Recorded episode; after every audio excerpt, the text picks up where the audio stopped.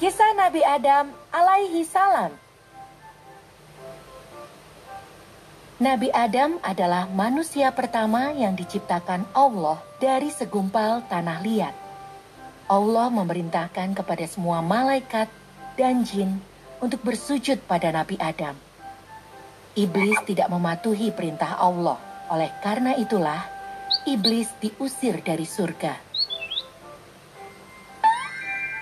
Subhanallah. Allah menciptakan Hawa sebagai pasangan hidup Nabi Adam. Hawa diciptakan dari tulang rusuk Nabi. Adam. Mereka bebas menikmati apa saja yang ada di surga kecuali satu, yaitu buah huldi.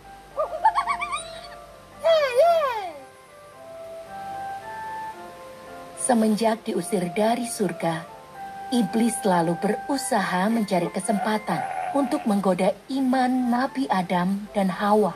Iblis berusaha merayu mereka agar memetik dan memakan buah huldi.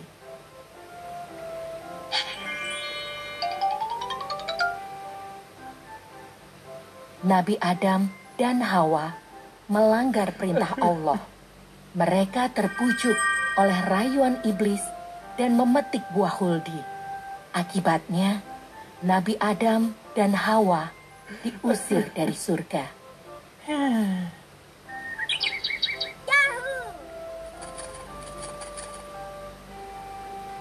Nabi Adam dan Hawa diturunkan ke bumi secara terpisah. Nabi Adam diturunkan di Hindustan, sedangkan Hawa diturunkan di Jeddah. Mereka berdua berdoa agar dipertemukan lagi.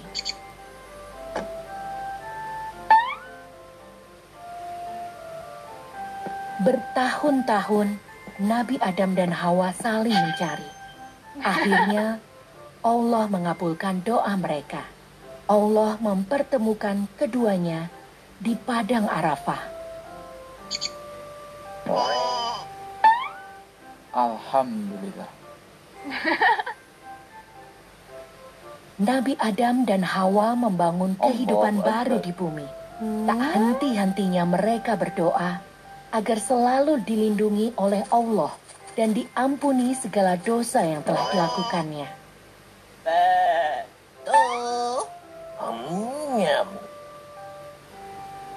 Nabi Adam dikaruniai 40 anak.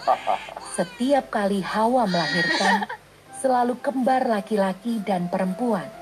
Allah memerintahkan untuk menikahkan anak-anak mereka. Namun, Allah melarang untuk menikahkan sesama saudara kembar. Anak cucu Nabi Adam terus bertambah Oh, hingga akhirnya mereka tersebar di seluruh penjuru bumi. Mereka terbagi menjadi beraneka suku dan negara.